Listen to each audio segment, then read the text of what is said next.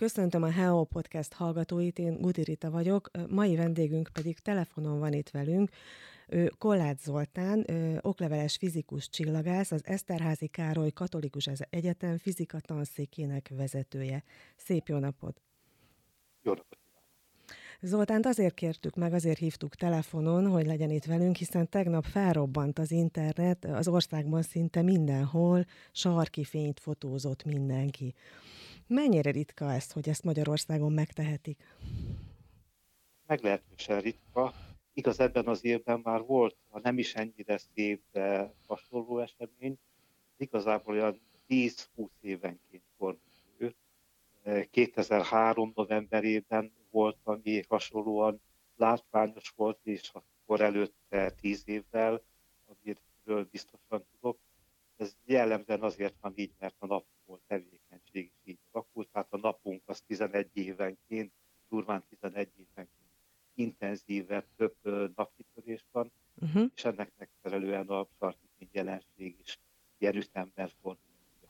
De mondjuk el akkor, mert biztosan, nem biztos, hogy mindenki tudja, hogy mi is az a sarki fény, mit látunk ilyenkor, mitől olyan szép színes az ég. Igen, tehát ez egy nagyon izgalmas és összetett jelenség. Kell hozzá az, hogy a napból sok részecske, egy föltört részecskék, protonok, elektronok érkeznek a Föld közelébe. Ez egy nagyobb napkitörés, ami most az elmúlt napokban épp volt ilyen amikor ezek a részecskék megérkeznek a Földhöz, az nekünk nem feltétlenül jó lenne jó, hogyha minden részecske megérkeznéd a felszínre, ettől megvéd bennünket a Föld mágneses tere, ami nagyon fontos a életünk szempontjából, és ezt úgy csinálja, hogy ezeket a részecskéket ilyen spirál mozgással elmennek, nem pont a sarkok irányába, uh-huh. hanem egy sarkoktól egy kicsit déli irányba, és ott érkeznek be a amikor beérkeznek a légkörbe, főleg az elektronok, ahogy ütköznek a levegő molekuláival, itt főleg az oxigén, ami szerepet játszik, uh-huh. akkor az oxigén elkezd világítani. Tehát ezek a részecskék gerjesztik fénykibocsátásra az oxigén, tehát valahol 100 kilométertől és onnan még fölfelé van ez a jelenség. Zöld is az oxigéntől származik, azt tőlünk nem annyira lehet látni, de hogyha valaki északra utazik, és ott több sarki fénytátok jellemzően zöld színű sarki fényt lehet megfigyelni, amilyen messzire ellátszik az általában a vöröses, de az az Uh-huh. Úgy tudom, hogy ennek volt ilyen szerencsés ö, helyzetben része, hogy ö, a, a sarkör közeléből láthatta ezt a jelenséget, ugye? Nem is olyan régen. Nem is olyan régen, hát ö, ez már a második alkalom volt, hogy elutaztunk kollégákkal a sarkörtől északra, Abiszkó Nemzeti Park határára. Hát az egy olyan hely, ahol nem kell 11 évet várni ahhoz, hogy esetleg előforduljon, hanem ha terült az ég volt, akkor majdnem minden éjszaka lehet Tehát az, ami nálunk ilyen különlegesnek számít, ez az ott lakóknak majdnem mindennapos dolog, hogy a sarki összetalálkoznak. Hát persze, aki innen utazik, uh-huh. annak nagy élmény akár ott megfigyelni a sarki fényt, vagy akár az a ritka alkalom, Uh-huh.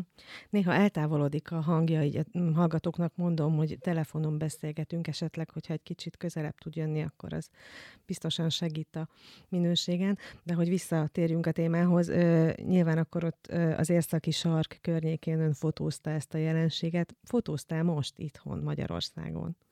Egyáltalán észlelte tegnap éjszaka? igen, hát mondjuk a városból ki kellett mennem, meg még másokat is riasztottam, tehát amikor én kikjutottam oda, ahonnan fotózni tudtam, akkor az a nagyon fényes rész, amit szabad szemben is sokan láttak és érzékelték is, is, az már éppen lefutott, de még jó hosszú időn keresztül a fényképeken lehetett látni. Uh-huh. Tehát akkor néhány ö, fotóval az ön albuma is gazdagodott. Ha jól tudom, ugyanez a 11 év, ö, amit említett, ez, ez fix, de ennek, ennél pontosabban nagyon nem lehet megjósolni ezt a jelenséget, hogy mikor láthatjuk, ugye? Ez, ez gyakorlatilag lehetetlen, mert a nap időjárása, vagy a kozmikus környezetünk időjárása is ugyanolyan véletlenszerű bizonyos szempontból, uh-huh. a földi időjárás. Azt lehet tudni, hogy van, amikor sűrűbben előfordulhat, de pontosan nem lehet tudni. És amikor tudjuk, hogy mikor lehet ilyen, akkor is sok bizonytalanság van benne. Hát épp most szeptemberben, amikor a kollégákkal közösen láttuk a sarki fényt fent éjszakon, akkor is ilyen volt, hogy az előrejelzések máskorra mondták, uh-huh. hogy megérkezik ez a részecske zápor a föld közelébe. Szerencsénk volt, mert akkor érkezett, amikor itt volt éjszaka, és nem akkor, amikor Észak-Amerikában volt éjszaka, mert akkor ott látták volna, és pedig mi láttuk. Uh-huh. Akkor ezt a csodálatos jelenséget mindenképpen szerencsésnek mondhatja magát, aki látta és le is tudta fotózni. Köszönjük szépen, hogy rendelkezésünkre állt, és segített megfejteni, mit is láthatunk ezeken a szép, színes, lilás, vöröses fotókon, amit az internet szerte most mindenhol láthatunk. És remélem, hogy először, de nem utoljára beszélgettünk hasonló témákban. Szívesen várjuk ide-vissza a Heol Podcastbe. Köszönöm szépen én is a lehetőséget. Köszönöm még egyszer. Viszont hallásra. Viszont hallásra.